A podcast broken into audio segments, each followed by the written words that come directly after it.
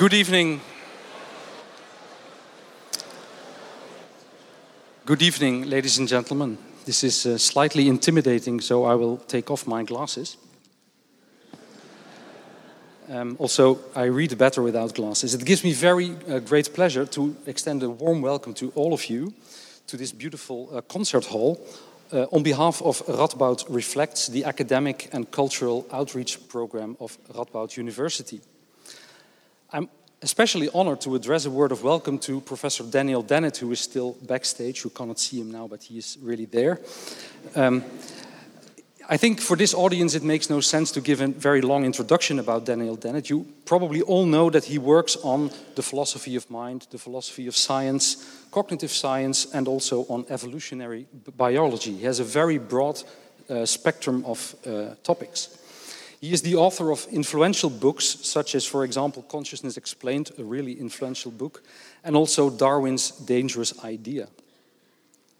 Now, Dennett is a kind of philosopher who's not limited to a small, narrow academic audience, but he extends to a very wide audience, which is probably the reason why you are so incredibly numerous here tonight. In 2012, he was awarded the prestigious Erasmus Prize exactly in recognition of his influential work. Four years later, in 2016, he visited Nijmegen. He visited Radboud University and he gave a lecture in this concert hall on the topic of free will under the very uh, challenging title Free Will is as Real as Colors, Promises, and Euros. It's up to you to decide how real that is. Um, today, you have all found your way to this uh, concert hall again to listen to Dennett's view on another fundamental topic namely the question how it is possible that a comprehending, understanding mind arises from a mindless process of natural selection. What can we learn from computer science? What can we learn from biology to understand the emergence of mind and consciousness?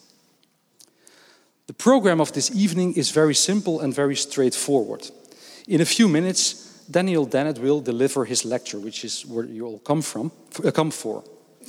After this lecture, he will discuss his views in further detail with Jolien Francken. Jolien uh, works at the Donders Institute of this uh, university. And she has recently been awarded a, a, grant from the executive board of Radboud University to study and improve the conceptual foundations of the neurosciences.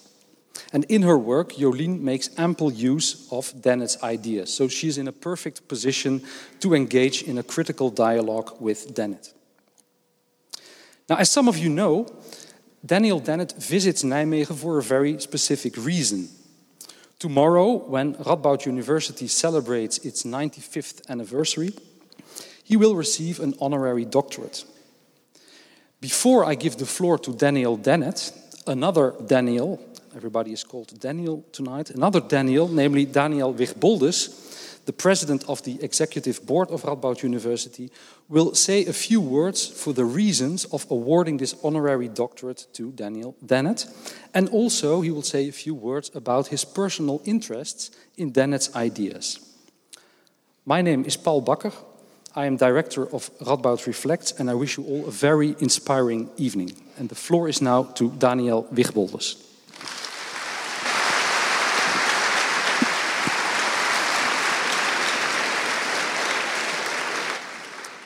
Thank you very much, Paul.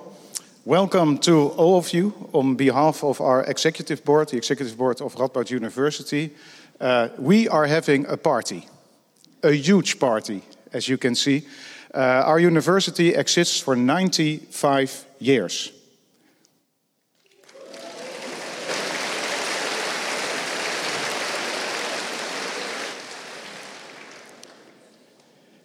And when you're uh, having an anniversary, uh, you give out gifts. And we have been enjoying, enjoying during this past week already terrific gifts. We have the great pleasure to be able tomorrow, during the official party, to, that we have uh, four honorary doctorates. Uh, one honorary doctor for a writer, Jeroen Brouwers, and uh, three honorary doctorates for top scientists, Mary Beard, uh, Steve Pacala, and also Daniel Dennett. And Daniel Dennett is the reason why you are probably here.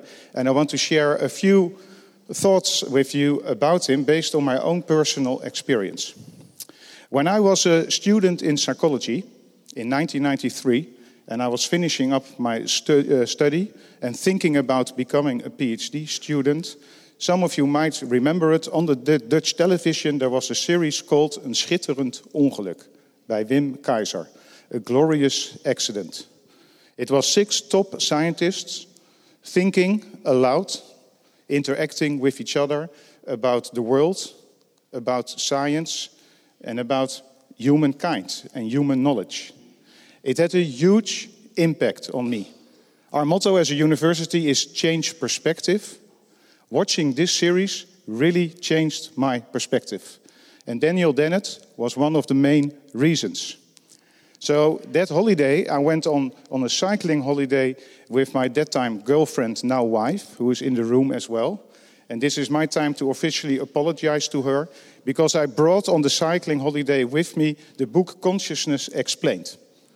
And I guess I was more attentive to the book than to my wife, but nevertheless, she became my wife. That's how the mind works. After reading Consciousness Explained, I dare to say, uh, I knew that I wanted to become a PhD student, that I wanted to be a scientist, but there were more lessons I learned. I learned that the mind is not only something you can study with, but the mind is also something you can study things about. I became a materialist, a starting materialist. I was very interested in the mind in terms of the matter, the physical part, but also in the thinking part. And by reading Consciousness Explained, these two became related to me, which was really important. Perhaps even more importantly, if you write a book, and also if you read the latest book, From Bacteria to Bach by Daniel Dennett, the way he describes his thinking, the way he is scientific, to me is what science is all about. Almost every sentence, there is doubt about our own thinking. I learned today already that even after writing the book last year, today he is already questioning the things he has written about last year. And this is what science is all about. It's not only about getting the answers, it's also about posing the right questions and rephrasing them and always well, believe in your own ideas, but also be willing to accept changes to these ideas, to develop them further. I think Daniel Dennett really exemplifies what changing your perspective means. Changing the perspective of other, of others by writing great books, but also keep on changing your own perspective of what we know about the mind and so on.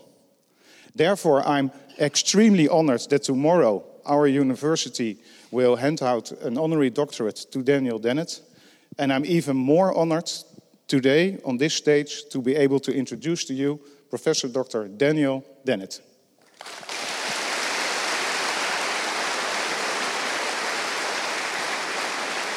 Thank you.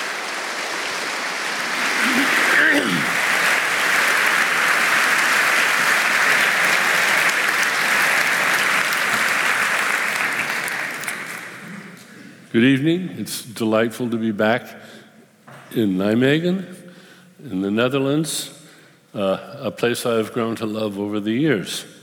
And I'm happy to see so many of you here. So, from bacteria to Bach, extending Darwin's vision. That's my title. And here's the American cover of the book. Yes, it's up there just fine. well, there's a bacterium, and there's Bach. Now, long way from a bacterium to Bach. And the organism that I think can tell us the most about that long trajectory is this one Charles Darwin. Now, some people, when they see me, think that maybe I carry my love of Darwin too far. Uh, uh, I don't know about that. Um, But in any case, I'm going to begin, as I so often do, with Charles Darwin and his strange inversion of reasoning as a critic of his put it back in 1868. Excuse me. And I will, I'll read this passage. I love to read it because it's, a, it's the work of a, of a irate Englishman in Hyde Dudgeon. In the theory with which we have to deal, absolute ignorance is the artificer, so that we may enunciate as the fundamental principle of the whole system that in order to make a perfect and beautiful machine, it is not requisite to know how to make it. The caps are in the original. This proposition will be found on careful examination to express in condensed form the essential purport of the theory and to express in a few words all Mr. Darwin's meaning, who, by a strange inversion of reasoning, seems to think absolute ignorance fully qualified to take the place of absolute wisdom in all the achievements of creative skill. Exactly. That is Darwin's theory, that is the purport of the theory, and it is a strange inversion of reasoning. It is so strange that many people, especially many of my countrymen, simply cannot get their heads around it and see that it could be true, let alone that it is true. But now I want to raise a puzzling question. Supposing we accept Darwin's strange inversion of reasoning, then we have the following puzzle. How can a process with no intelligent designer create intelligent designers? Who can then design things that permit us to understand how a process with no intelligent designer can create intelligent designers who can then design things? Now, there's a question. Is it just a rhetorical question? Does it point to an embarrassing contradiction in the theory of natural selection? No, it doesn't. but it is tricky to answer. I'm going to start with my favorite diagram of the tree of life. This is Len Eisenberg's. You can find it on his website. And uh, what you see I'll just point out a few things. If I've got the, does the, hello. I don't, whoop, I pushed the wrong button. There, now.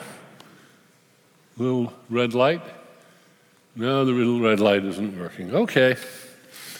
Uh, the today is out on the periphery. All the organisms that are alive today are represented on the periphery of this diagram. The origin of life you see in the center of the picture, about three and a half billion years ago. And you see that it began with bacteria and archaea, and perhaps this diagram is now out of date, and the archaea should come first, as the name suggests. Uh, then I could have called the book, I don't know, from archaea to Aristotle or something. But very important is the next item on the list, and that's the eukaryotes. Because all the things you see in that colorful fan out are eukaryotes. To a first approximation, every living thing that you can see with the naked eye is a eukaryote. You are, sharks are, pine trees are, birds and fish,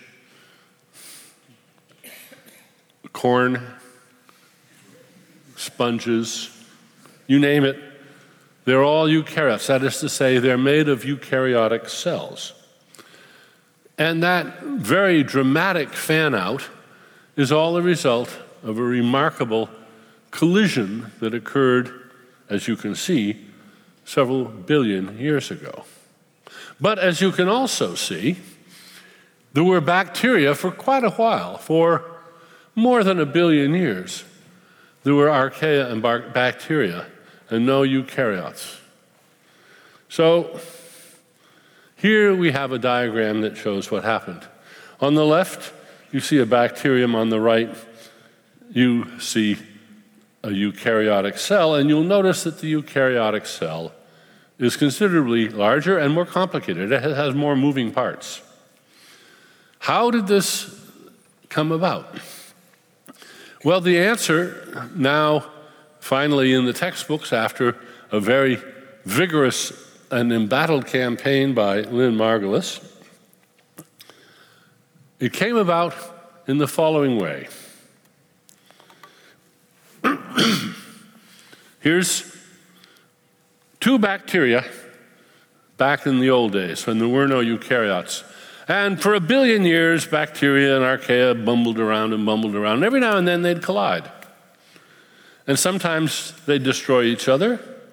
Sometimes A would eat B, take it apart, use the materials, get the energy. Sometimes B would eat A from the inside. And very rarely, it only had to happen once. Instead of either one destroying the other, they stayed together and they became a single team. And that was the endosymbiotic origin of the eukaryotic cell. In other words, two unicellular, very simple organisms became a single one, and the single one was fitter, more capable than either of the parts by themselves. This was a, a bit of, of a joining together which was fruitful, not harmful. That's a rare thing to happen, but it can happen. So, what it was was a great, case of technology transfer. Because each of these individual separate organisms had its own evolutionary history of R&D, research and development, had developed talents that had been honed for a long time, so it came equipped with many competences. And when the competences were put together on this occasion, they happened to complement each other, so you got a more fit, more capable microorganism as a result. And the result of that union is the tree of life that I've already shown you. Now, let's zoom in on that tree of life and let's zoom in a little bit more. And we can see, and we would see if I got my. It's just, oh wait, no, I hit the wrong button again. Uh, no, it's too bright a screen, I guess. That little Y that's up about uh, the fourth and fifth little sprig there, that's about six million years, the branches of that Y. That's about how long it's been since chimpanzees and human beings parted company from a common ancestor. Eh, we have about six million years. And on one of those branches, human beings, our, our ancestors, appeared. And the reason I've gone to the trouble of telling you about the endosymbiotic origins of the eukaryotic cell is I want to say that something similar has happened much more recently and much more swiftly. But it means you've got to think of evolution as R&D, as research and development. it's a design process that exploits information in the environment to create, maintain, and improve the design of things. Now, it takes time and energy, lots of time, billions of years, and uncountable trillions of failures in order to gradually optimize the design of these eukaryotic cells and the multicellular organisms that are made of them. There are two main varieties of R&D: evolution by natural selection and human intelligent design. Notice small i, small d. I'm talking about people like you, intelligent designers. We are all intelligent designers. Some of us are very successful, intelligent designers of works of art or poetry or automobiles or can openers or mathematical proofs or just ways of decorating your house or whatever it is, you are an intelligent designer. Now, the processes differ in fundamental ways. Evolution, on the one hand, is purposeless and has no foresight, and it's extremely costly and slow. Intelligent design, on the other hand, is purposeful, somewhat foresighted, but we know many cases of misbegotten projects of intelligent design which fail to anticipate bad side effects. It's, of course, governed by cost considerations, and it's usually relatively fast. Well, evolution may be slow and costly, but it is brilliant. Uh, Francis Crick, the co discoverer of the structure of DNA, once put it forward as what he called Orgel's second rule, teasing his colleague Leslie Orgel, which is evolution is cleverer than you are. Now, what did he mean? This is not an this is certainly not an intelligent design theorist. This is as much as anybody in the history of the 20th century, the person most responsible for the knowledge we now have of how evolution and genomics and genetics work. What he meant was time and again, biologists have been puzzled by phenomena of nature which seem to them to be poorly designed, ill designed, a mess, a problem, only eventually to figure out no, no, there was a delicious excellence to the design they were looking at. They just weren't smart enough to see what it was until later. Evolution is cleverer than you are. Now, this raises an interesting problem when we look at a contrast between the products of evolution on the one hand and intelligent design on the other. And here's my favorite example. Hello.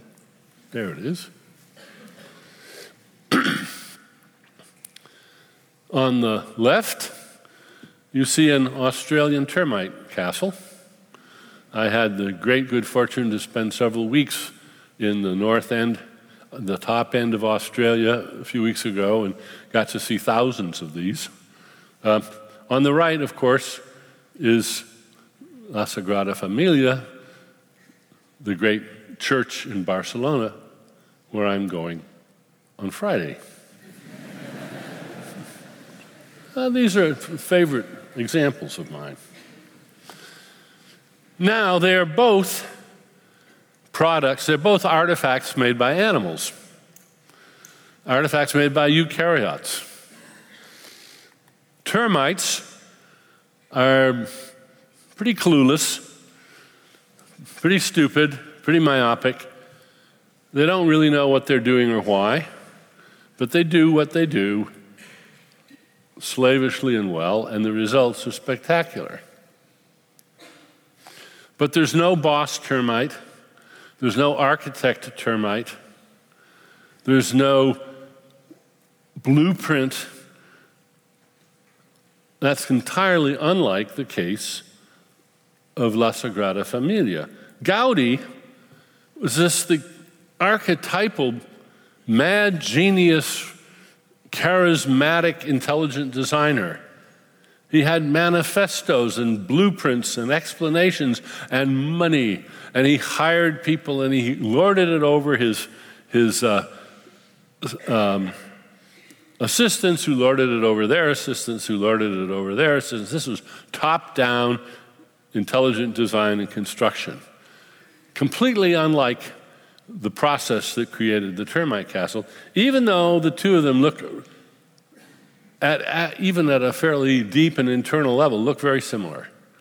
So we have two artifacts, two products of design. They look very similar, but the processes that made them are stunningly different. And here's the puzzle we have bottom up design, termite type design.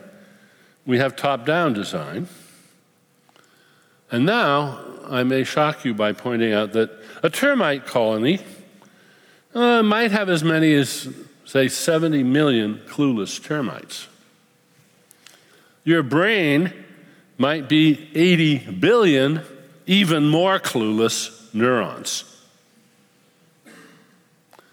But if you want to see a neuron in action, here's a little case of a termite groping out myopically and making and breaking connections with another neuron in a petri dish. But they do that during development and, in fact, throughout life. So here's the puzzle.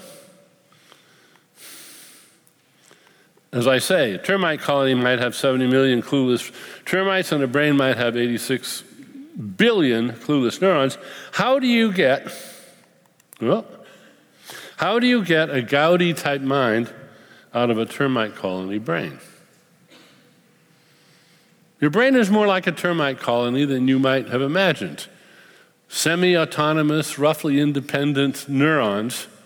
How do you get even 80 billion clueless neurons to organize themselves so that you get a Gaudi that can make the Sagrada Familia when a termite colony can do some pretty wonderful things, but they can't, they, they can't do the things that we intelligent designers can do. Now, I'm going to give you the short answer to this question, which I got from a student of mine some years ago. You can't do much carpentry with your bare hands, and you can't do much thinking with your bare brain. Bo Dahlbom created that nice bon mot. Think about it. You need tools to be a carpenter, and you need tools to be a thinker. A termite colony is, if you like, a bare brain. It doesn't have any thinking tools. Intelligent designers have well equipped brains, lots of thinking tools, primarily language, diagrams, blueprints, levels, plumb bobs, measuring sticks, calculators, all the rest. So, when did these intelligent designers get their tools? And the answer to that question is very, very recently. If you look at that six million year old fork to the right of the diagram, you realize that the thinking tools of our species we can measure in only a few thousands of years, maybe 50,000. Or we could say a million, and I'll give you an example of a million year old tool a little later on. Well, how did they get their tools? Well, here's the wrong answer from Freeman Dyson. Technology is a gift of God. After the gift of life, it is perhaps the greatest of God's gifts. It is the mother of civilizations, of arts, and of sciences. I agree with everything in this quotation except the first sentence. Technology is not a miraculous gift of God. That was Freeman Dyson. Now I'm going to give you the long answer. Technology, the thinking tools we need to turn a termite brain into a human mind, come from cultural evolution, not genetic evolution. That is, design thinking tools that impose novel structures on our brains. You might say that these are evolved virtual machines, to use a term that software engineers like to use. Or, as I like to put it, well, they are apps that we download into our necktops. That's what I'm doing right now. So be careful. I'm trying to download apps into your necktops so that you can think about things in a way you couldn't before you heard me. And they are the source of our power and versatility, and they are due as much as anything else to one person, Alan Turing and he had his own strange inversion of reasoning. I'm going to model it on uh, Beverley's outraged account of Darwin's strange inversion. Here's Darwin's in order to make a perfect and beautiful machine, it's not requisite to know how to make it. And Turing's is in order to be a perfect and beautiful computing machine, it is not requisite to know what arithmetic is. In Turing's day, computers were people. They read maths in university. Most of them were women. They were paid to compute and they needed to know what arithmetic was. It was a, it was a technical job. And he realized no, no, this can be done by a machine that doesn't even know what arithmetic is. And that was as good as anything, the birth of the computer. Now, Darwin and Turing had strange inversions of reasoning which fit together beautifully. And the theme that they agree on is one which has become sort of my motto, my bumper sticker, the, the concept. If you walk away from here with one idea, I want you to have this in your head competence without comprehension. Remember what Beverly said about Darwin that the process that Darwin described had no understanding at all, no foresight, no intention. It was a stupid, blind, mechanical process. And Turing gives us a computer which similarly doesn't understand anything. It, well, it understands add and subtract, but only and equal to zero and conditional branching, but it, it doesn't really, it only understands them as operations that it performs with exquisite regularity and reliability. You put the two ideas together and you get the rather startling inversion, and that is that mind, consciousness, and understanding is the effect, not the cause. Now, this really is a strange inversion from a very traditional way of thinking about how we got here. Think of the Sistine Chapel and Michelangelo's God putting the finishing touches on Adam. That's the ultimate top down intelligent designer image of how things got started. And here, Darwin and Tur- Turing are just turning that upside down. Well, you know, termites are not intelligent designers. Beavers build dams, but they are not. What the devil? They're, beavers are not very intelligent designers either. We, in fact, are the first intelligent designers in the tree of life. In over three billion years of evolution, we're the only really intelligent designers that have been created. And what I'm saying is that the key, the key innovation was a little bit like the eukaryotic revolution. It was the unification of independent streams of R&D into more powerful entities. An example of this, which is worth considering, is what I call the MacCready explosion. Oh, let me go back a moment. if you notice, whoop, where is it? Why is it not there? There we are. You see how everything fans out very fast there in the middle of the diagram, and it says the Cambrian explosion. That is, in a very short period of time, by evolutionary standards, there was a tremendous increase in, in the different, different species. There was a very great productivity of innovation, creating all those different lineages of eukaryotes quite swiftly the Cambrian explosion, made famous by Steve Gould in his book Wonderful Life. Now, the MacCready explosion is much more recent and much swifter. Paul MacCready, some of you may know him he, as, a, as a, a wonderful green engineer. He's the one who designed the Gossamer Albatross, the bicycle powered plane that flew across the English Channel. He's uh, uh, uh, full of brilliant ideas about how to exploit energy in, in ecologically sound ways, for instance. And here's what he has to say 10,000 years ago, human population plus livestock and pets was approximately a tenth of a percent of the terrestrial vertebrate biomass. That is, if you put all the animals, but not all the insects, and not the fish in the sea, if you put all the animals on one side of the scale, it would tip down way in favor of all those animals and human beings. Plus, they'd begun at this birth of agriculture, they'd begun to domesticate animals. So you put their, their livestock and their pets and, their, and the people, and it would be not even 1% of the total weight. Today, it's a little higher.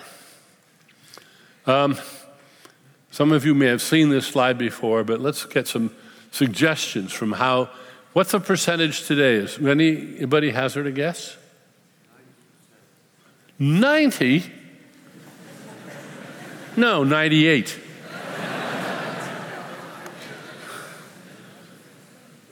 Our species and its domesticated animals have overwhelmed the planet in 10,000 years. That is the fastest, biggest biological change in the history of life on the planet, faster and bigger than the eukaryotic revolution. And it's happened in the last 10,000 years, and it's due to one species and its powers, and that's us. That's a biological fact. It's a political fact. It's a social fact, but it's also a biological, an undeniable biological fact, and it requires a biological explanation. How did this happen? Here's what MacCready has to say about it. Over billions of years, on a unique sphere, chance has painted a thin covering of life complex, improbable, wonderful, and fragile. Suddenly, we humans have grown in population, technology, and intelligence to a position of terrible power. We now wield the paintbrush. And so we do. Something that should resonate for all of us, and we should think about what we're going to do with that power in our own lifetimes, in the immediate future. But what I want to point out today is that this was another great technology transfer. It was the invasion of human brains by symbiotic thinking tools. I mean that not metaphorically, I mean it literally. These tools evolved by natural selection. They don't have genes, but they evolved by differential replication in the cultural realm. They're what Dawkins calls memes and he first wrote about them in the book The Selfish Gene. Several other authors had the same idea earlier, but he's the one that. See, several people had the idea of evolution by natural selection before Darwin, too, but Darwin was the one who figured out how to say it right and to marshal the evidence for it. And Dawkins, I think, deserves credit for, for putting this idea in the clearest and most replicable form. We don't inherit them via our genes, and we don't have to design them ourselves. Or eh, am I maybe wrong about that? How many of you could have, de- could have designed calculus or even alphabetization? How many of you have coined a word or created a language? Could you invent the clock? Let alone the television set, let alone the microscope or telescope. We are all gifted with these treasures, these design treasures. We don't get them through our genes, we get them through our culture.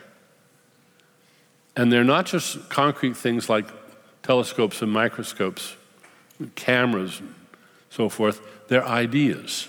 In fact, primarily, they're ideas Ideas that differentially replicate and that take up lodging in our brains and give us the power to be the Gaudis and Bachs of this world. Our brains are stocked with good thinking tools. Nobody has to design them, they're designed by differential replication of memes. Well, what are memes?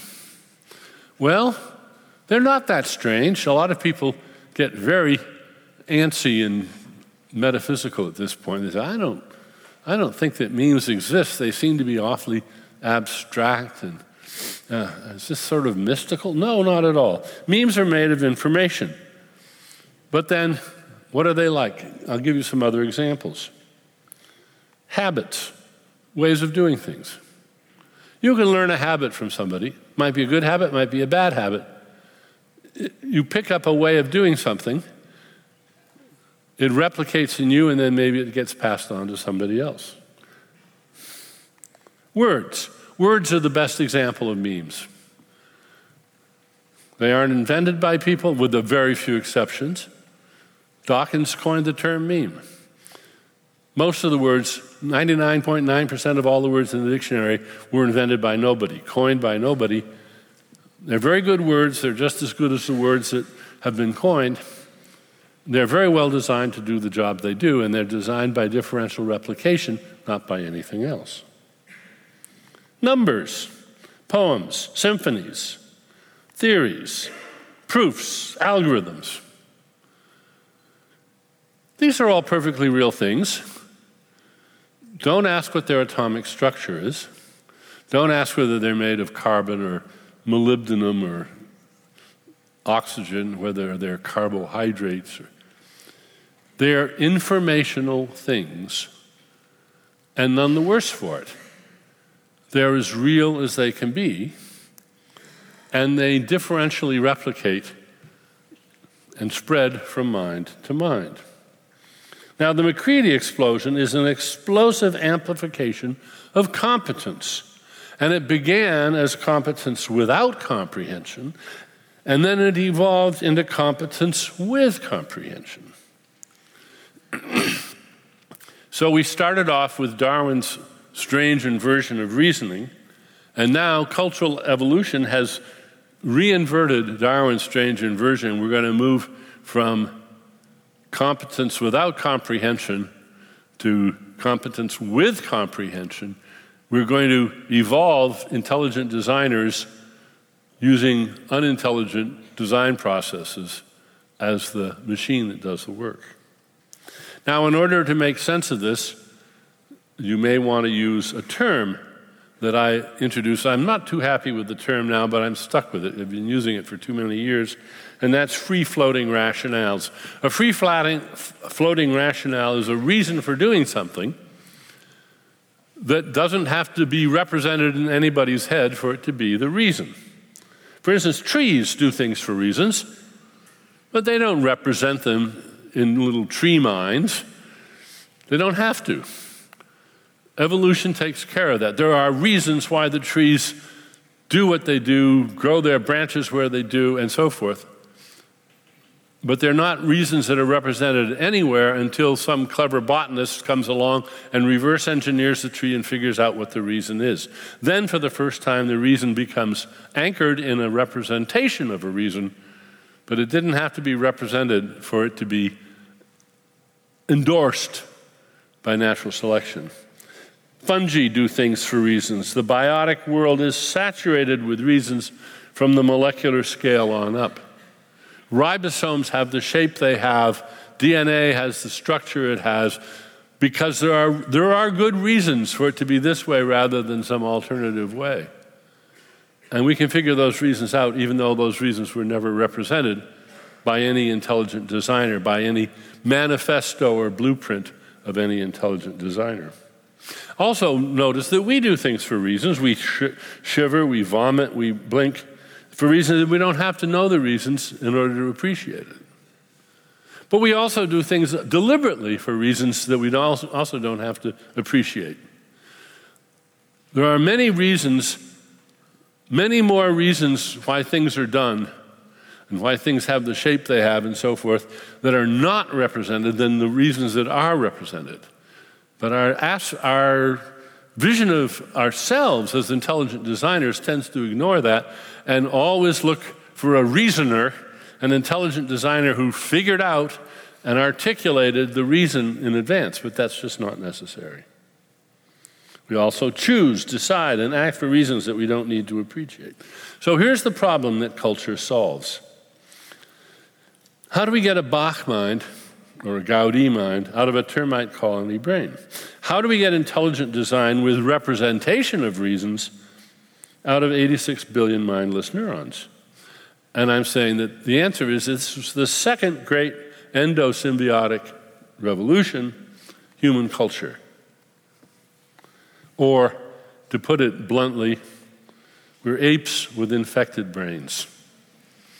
Our brains have been invaded by thousands and thousands of thinking tools our vocabularies, our practices, our, our, our habits, our customs, our ways of doing things. They are what gives our mind their power. In the same way, the apps on your cell phone give your cell phone the power. We don't have to design them, we're just their beneficiaries, and we use them very well because they've been designed both to replicate easily and to be user friendly.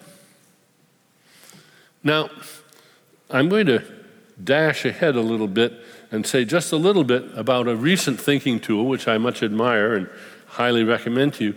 It comes from Peter Godfrey Smith's book, uh, uh, Darwinian Populations and Natural Selection. And he creates uh, diagrams like this one. It's a three space, a, a cube, and you have three axes, x, y, z. Of course, we can thank Descartes for that thinking tool, the Cartesian coordinates. And so every point in that three space represents a value of these, and you can put whatever variables you want on the axes. And there are many more variables than three, so Godfrey Smith just chooses a few. And, and this is one that looks at evolution. I don't know, if, yes, you can see this, I think. So on the x axis, he has uh, fidelity of heredity. It's got to be high. If, you're, if, you if your DNA doesn't replicate with high fidelity, um, you lose whatever you gain in selection before it gets a chance to be established. C, going up the uh, y axis, continuity, smoothness of fitness landscape. If, if the landscape of fitness of selection is too chaotic, too, too jagged, you won't get um, natural selection occurring. Um, and then um, H is uh, no um, uh, S on the uh, Z axis is dependence on of realized fitness differences on intrinsic properties. Um, an example of a non intrinsic property would be luck. We could have a, an evolutionary tournament, a coin toss calling tournament with the people in this room. And I would guess that the tournament, we could produce in the next half an hour somebody who had just won eight consecutive coin tosses without a loss. Pretty special. Would that person be any more likely to win the next coin toss? No, because luck isn't an intrinsic property. If it was a tennis tournament, on the other hand, yes, whoever won the tournament would have a good chance of winning the next game. So it's an important dimension for evolution. It won't work where there aren't intrinsic properties. Well, now I want to take, in, in, in Godfrey Smith's diagram, he usually puts the Darwinian population, the exemplar, the paradigm case in the, in the upper far right corner. Uh, this is where all three dimensions are high, and that's where you get your parade cases of evolution. And the cases farther away from there, they're evolution like, they're sort of evolutionary. They may have some of the features of natural selection, but they're not entirely uh, uh, natural selection. But now I want to point out that when we get to cultural evolution, we want to invert the diagram. Now we want to put the Darwinian cultural evolution down in the lower left hand corner. That's termite castle culture.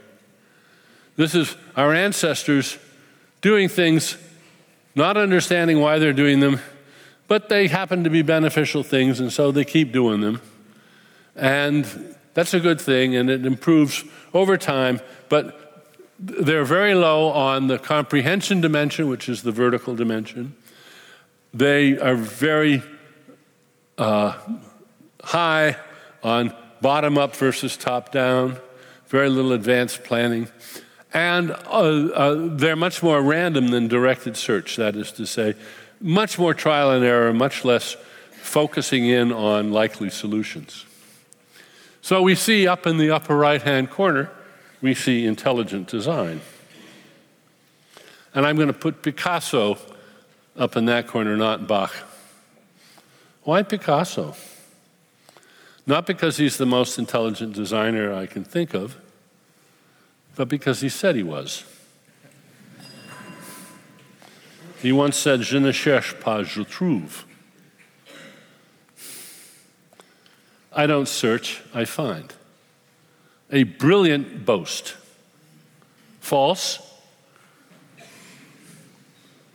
manifestly false in the case of Picasso. He often did dozens or even hundreds of variations on a, on a drawing before he decided which one to, to uh, uh, put in the exhibit. Part of his genius was, unlike natural selection, he sold all the others too.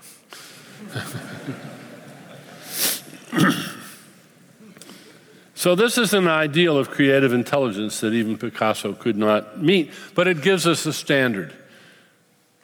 The epitome of the intelligent designer is somebody who is such a genius. He doesn't have to mess around with grubby old trial and error. He doesn't have to uh, take chances or throw dice to get himself off. The, he just, bingo, goes right to the summit, the highest place in design space automatically. He's that kind of genius. Nobody is or will be. That's like a perpetual motion machine.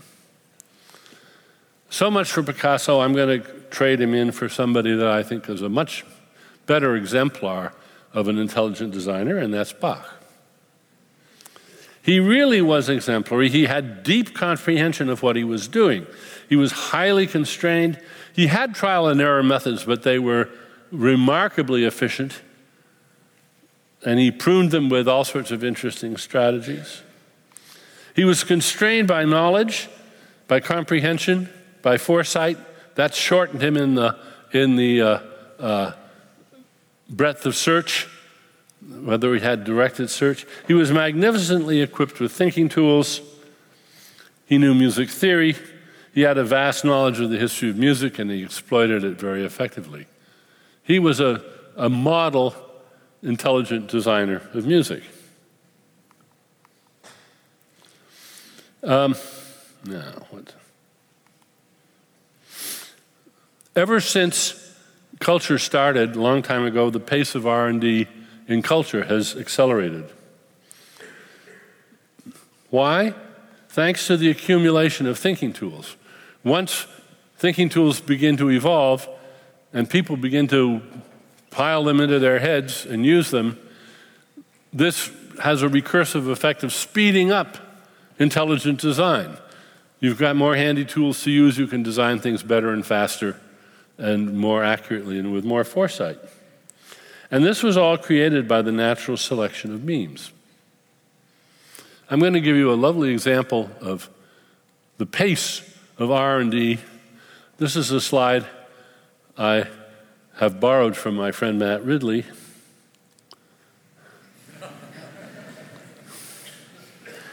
On the left, an Acheulean hand axe those were made by our ancestors un, without any discernible design change for about a million years. On the other hand, the mouse has only been around for a few decades. Nobody invented the Acheulean hand axe. Douglas M. Engelbart invented the mouse, and it may be extinct in a few years. That is an example of the change of pace. Now that cultural evolution has been, in effect, de Darwinized, becoming ever more intelligent, ever less Darwinian, ever less brute, groping up the ramp, ever more insightful in the way it proceeds. And then there's all sorts of cases in the middle. Here's a nice one. The philosopher Alain, writing in 1908 about Brittany fishing boats, wrote, Every boat is copied from another boat. Let reason, let's reason as follows in the manner of Darwin. It is clear that a very badly made boat will end up on the bottom after one or two voyages, and thus never be copied. One could then say with complete rigor that it is the sea herself who fashions the boats, choosing those which function and destroying the others. The rule if it comes back, copy it. That's natural selection. It does not depend on the insight or com- uh, comprehension or intelligence of the boat builders. All they have to do is, here it is, let's make another one. And the sea will take care of quality control. And that's a very clear example of the natural selection of cultural items. I just want you to have it in your mind as a, an example of something which I'm claiming is ubiquitous, ubiquitous in human culture. But now we're entering the age of intelligent design. We're up in the upper right-hand corner where design R&D is becoming faster and faster and more efficient. Cultural evolution is becoming ever more top down, ever more comprehending or self comprehending, ever more refined in its search methods. And so is genetic evolution, GM food, Craig Venter, and the like. Well, what next? Well, the last chapter of my book is about what next. The title, after all, is From Bacteria to Bach and Back.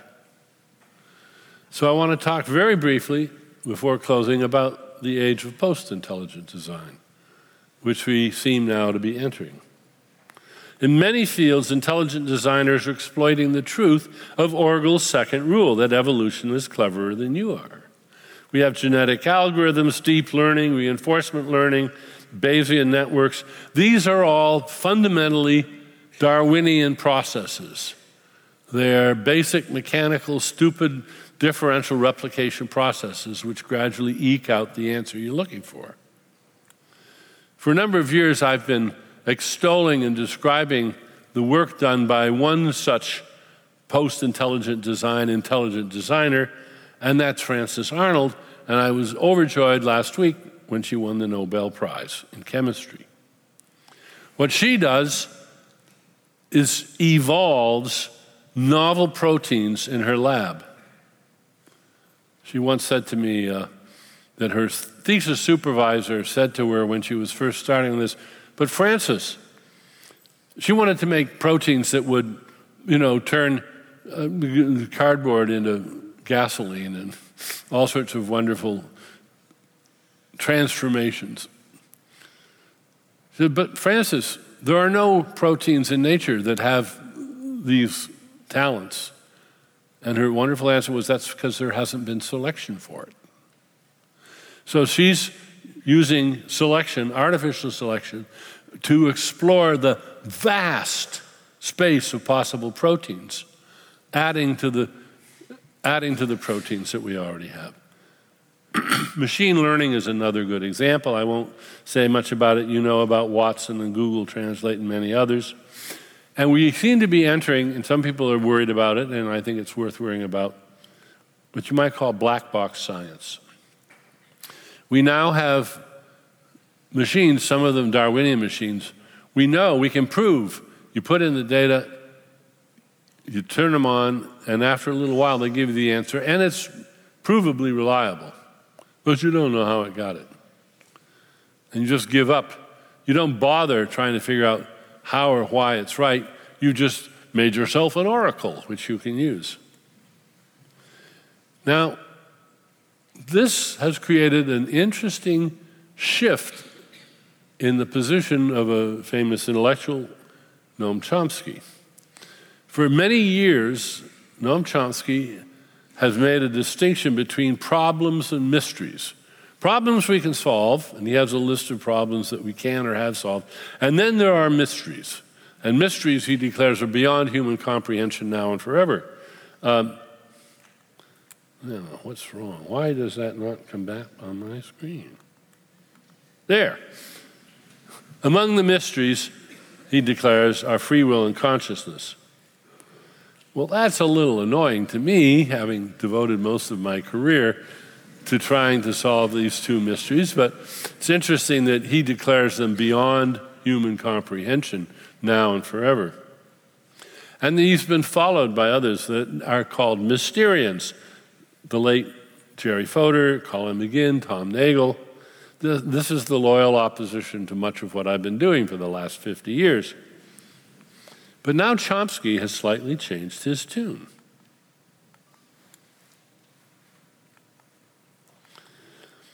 While there is a conceptual distinction between problems and mysteries, he says, we accept the best explanations science can give us, even when we can't imagine how they work.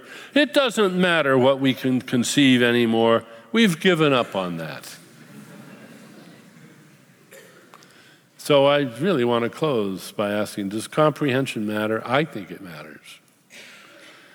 Do we want post comprehension science? Do we want to go to competence without comprehension? Do we want technological competence without comprehension?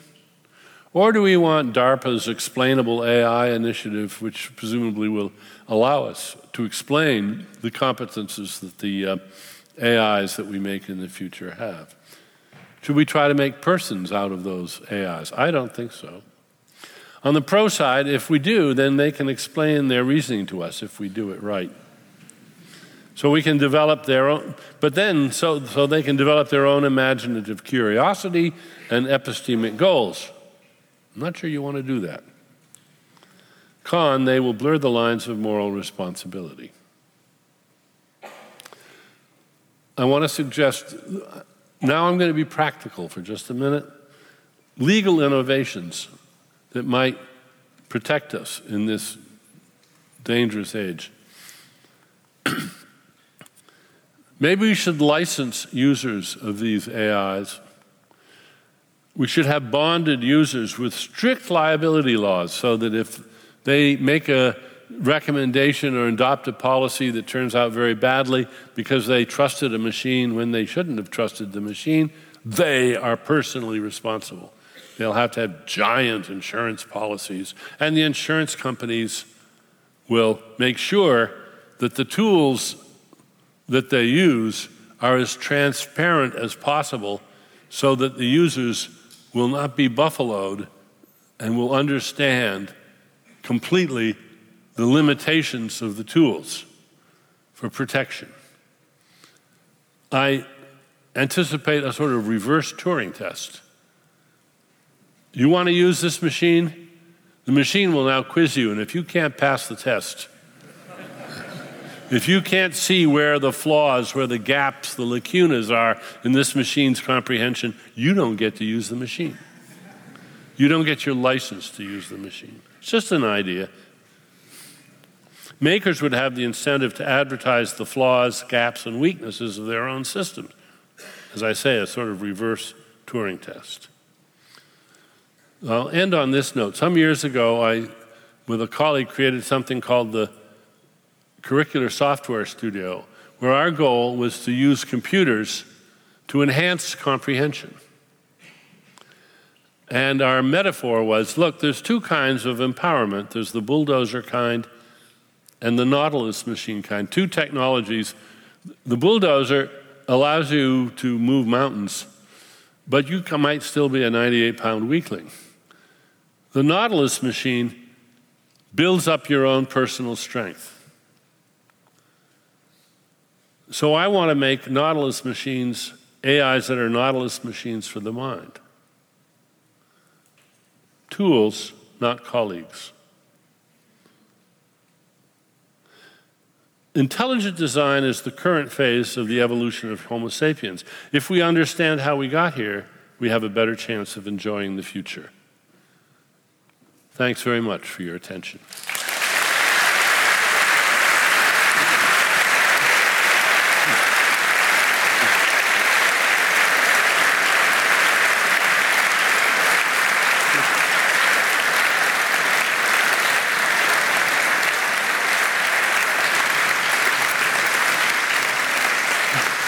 Was a very inspiring talk, and uh, I would like to invite you to have a seat.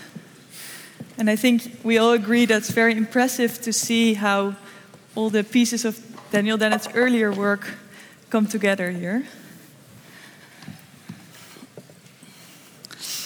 And it's my privilege to ask Daniel Dennett a couple of questions. And after that, the floor is open to uh, questions from you. And uh, I'd like to start with uh, a question about dichotomies, because in your book you discuss uh, several dichotomies or phenomena that seem uh, binary to us. So, for instance, um, the transition from consciousness to or from unconsciousness to consciousness, the emergence of life.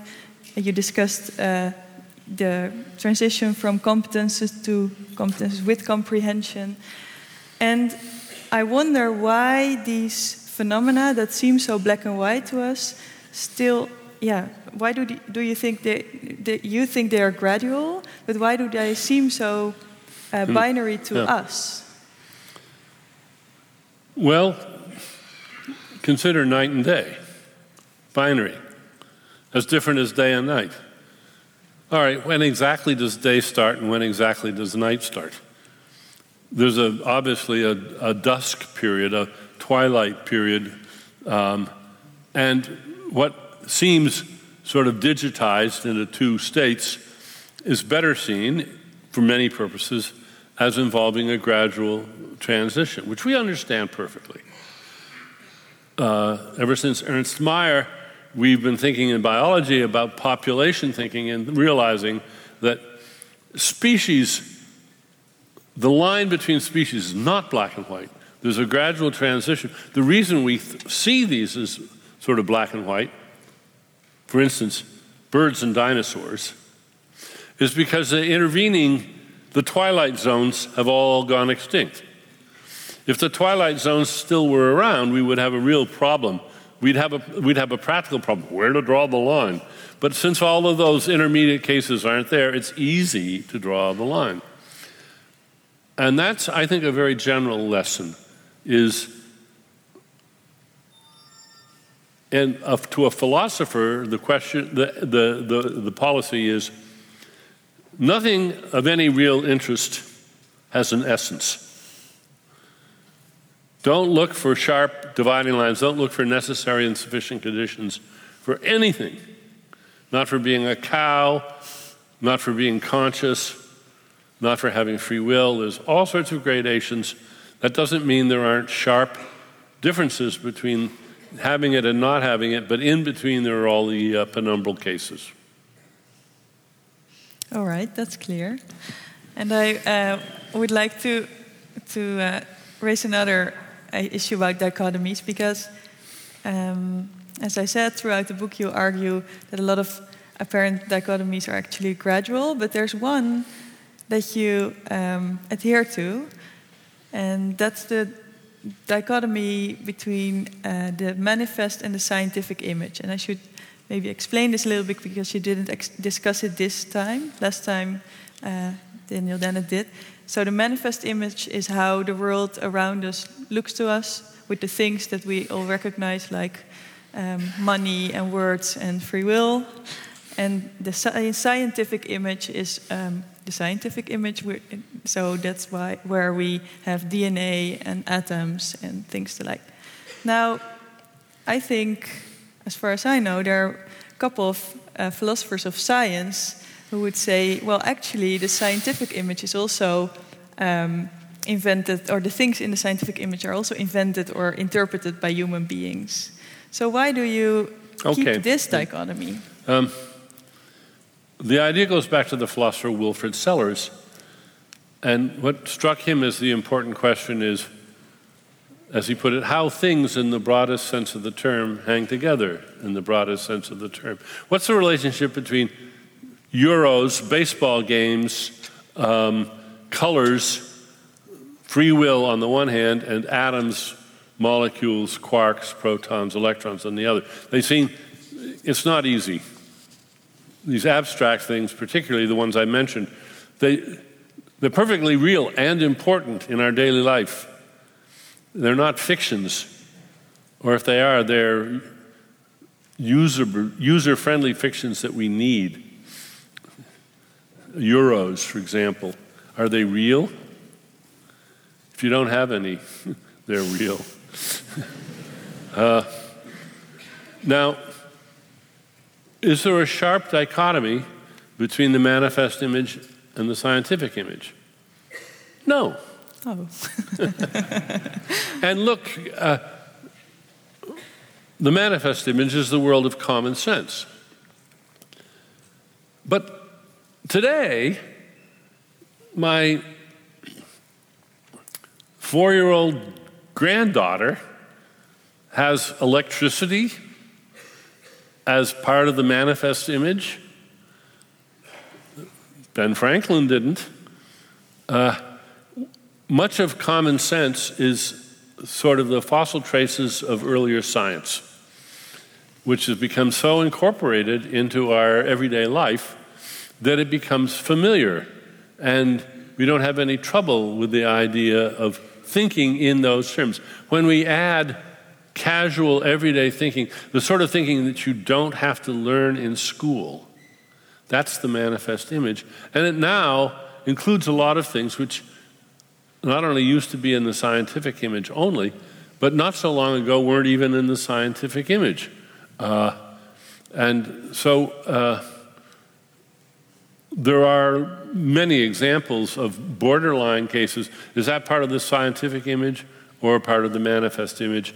And we shouldn't waste our time adjusting the definition so that we rule out all of the ones that are intuitively one or, or not the other.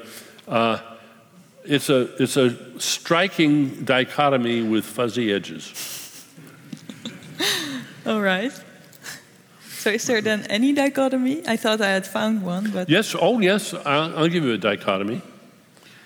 Um, there's irrational numbers and rational numbers. There's odd numbers and even numbers. There's nothing that's a little bit odd and a little bit even. Mathematics is the home of dichotomies. And one of the problems with philosophy is that mathematics is, for many philosophers, the, the paradigm of knowledge. And if they could just turn all knowledge into geometry with Euclidean proofs, they'd be so happy. Uh, but a lot of the proofs that you can do in geometry or in number theory, or just you know proving that your sums are right, um, the proofs ill fit the rest of the world, the concrete world. Uh, for instance, you can't, there's a lot of sort of Fisher cut data arguments which work beautifully in mathematics that don't work in uh, uh, other realms because there are always the fuzzy cases in the middle. Okay, thank you. Um, my next question relates to this. So, um, one of the key foundations of your uh, work is the meaning of the word, word real. And many people get confused by this, which I understand, um, experts and non experts alike, because Daniel Dennett uses phrases like um, consciousness is a perfectly real illusion. So um, now we're all here, and I would like to ask you for, uh, to make it clear for all of these people that are here that they go home tonight and now they really know what you mean with the word real. What is your best example to illustrate what's, according to you, the meaning of the word real?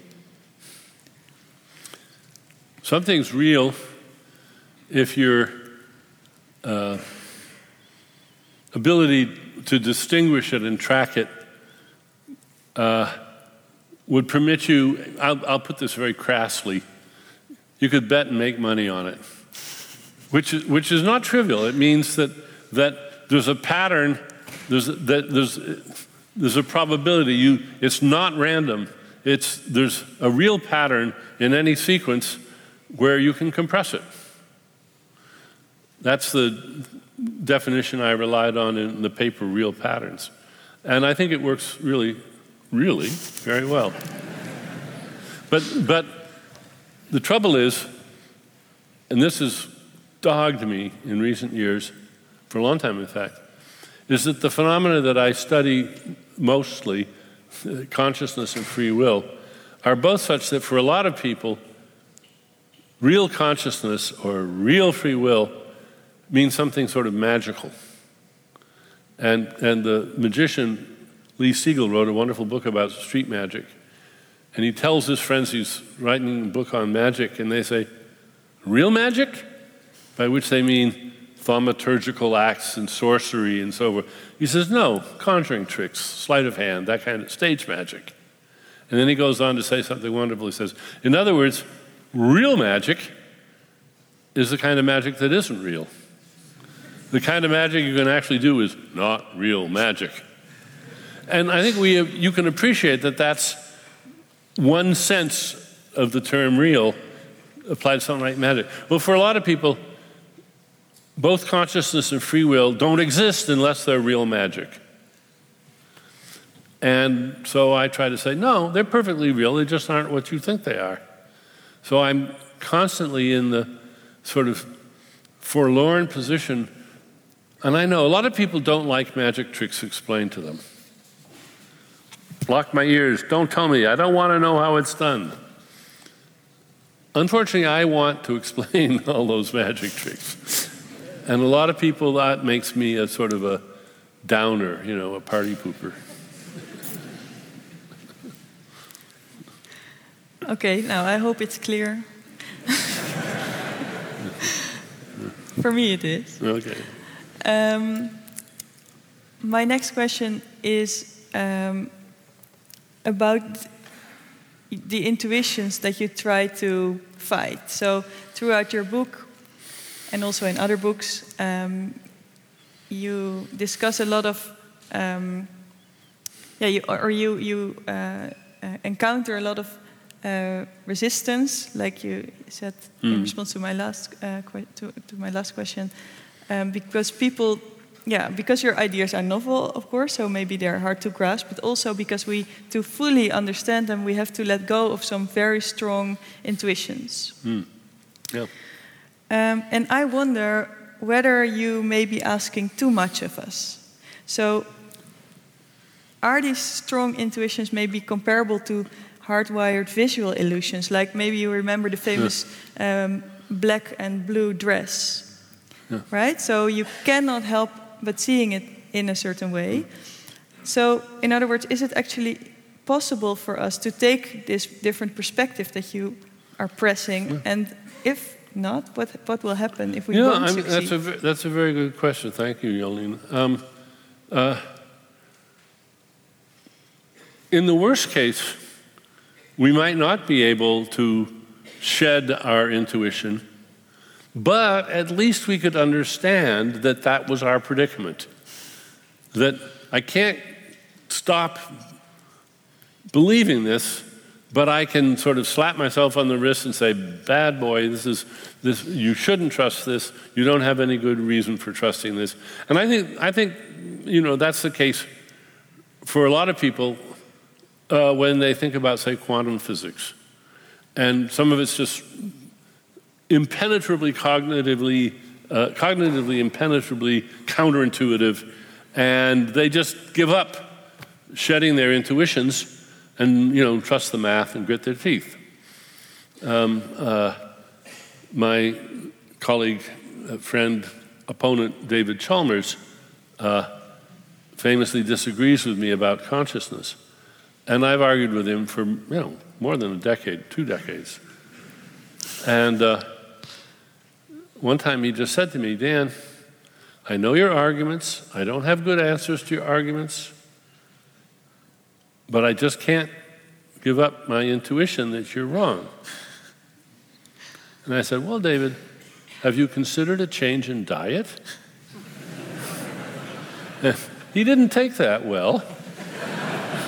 But, but I submit he, he should have taken it seriously if he was if he wasn't confessing that he, he simply was unable to suspend a belief that I had given him reasons to suspend, then he's got a, he's got a little glitch in his mind. And who knows? I, I can't argue him out of it. Maybe, you know, maybe if I played some music for him or, you know, dropped him on his head or something, it would make a difference. All right. and uh, what? Good advice. Uh, so, but what, what do you think? Um, what's your feeling about it? Whether you're going to succeed or not? Or I don't.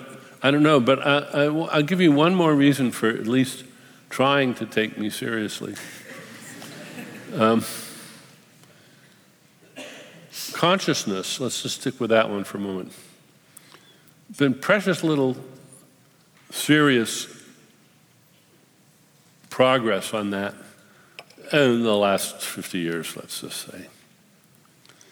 I submit that if there were an intuitive solution, we would have had it long ago. There's bound to be something that just about everybody pounds their fist on the table and says, that's just got to be true. And they're wrong. Sometimes what you should do when you are faced with a, an impasse in thinking, in science and philosophy, is ask yourself is there some fixed point, some assumption that nobody has thought of denying? Can we just try denying it and see what happens? If you don't try, then this is sort of an imaginative blockade. So, one of the good things about philosophy is that these, these trials are cheap and harmless. That's why so much of philosophy really doesn't bear much looking at, because a lot of it's pretty silly. But there's a point to it.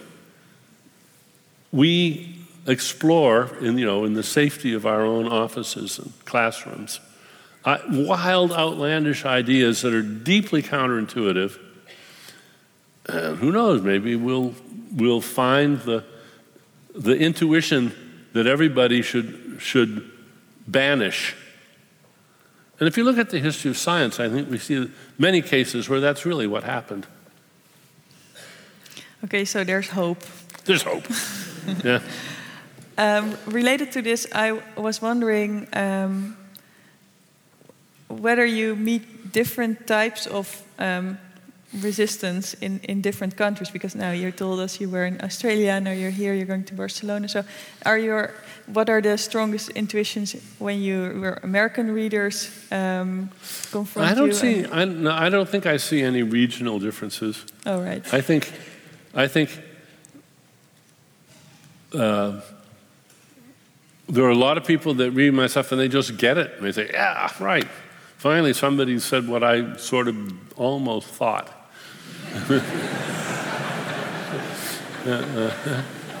and I'm very happy with that.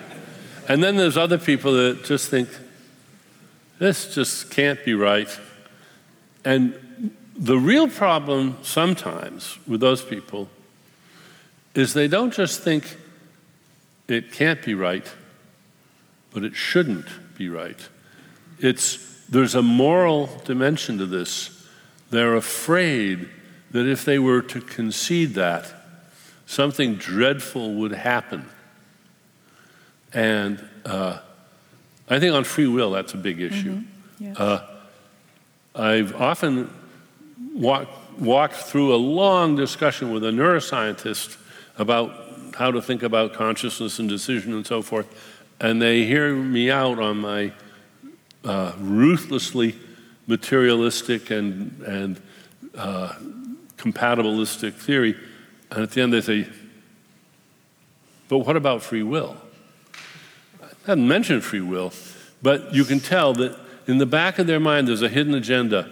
I can't let my theory go in that direction because that would jeopardize free will, and that would mean that life had no meaning, and that would mean the end of the world. And that's, I think, a, a failure of imagination on their part, but a very common one. Right. Um, my last question for now, and then uh, the floor is open to you, is uh, a question about evolution. So, how do you think we will look back at this debate about how the mind evolved in 100 years from now? You will probably not be there anymore, so maybe Probably you can speculate. Me neither. Uh, Don't know about you. um, I've never thought of that. I don't know. Um, uh, I know what I hope. I hope it will look almost comic. And people will say, look at the look at the contortions he had to go through to try to get people to see that this is the right way to think about it. That's if I'm right, of course, you know. but I don't know. Okay. Um, so, your book has received admiration in many reviews, and uh, it's widely regarded as the synthesis of your work. And also, you yourself write in the introduction that you're going for the whole story this time. So now we all wonder will there be a next book? Probably. okay. I'm happy to hear That's that. That's the best I can do. I have one um, final remark. So I think it's evident that if you haven't read From Bacteria to Bach and Back, that you should do so. And um, to facilitate that, we have a book sale in the lobby where you can buy the book and also uh, other books of Daniel Dennett. And maybe you're signing them? I think so. They, I Yes. agreed to do some signing, yeah. Well, that's nice. So, yeah, this is your chance. Um, so, you know about this now. Then, um, I would like to end, uh, uh, to end with thanking Radboud Reflects for organizing this event. So, please, a warm applause for them.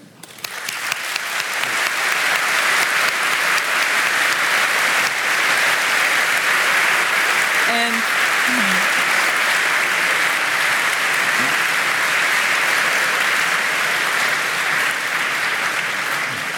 Then, of course, all of you for joining, and lastly, Professor Dennett for this very inspiring evening. Thank you very much. Thank you.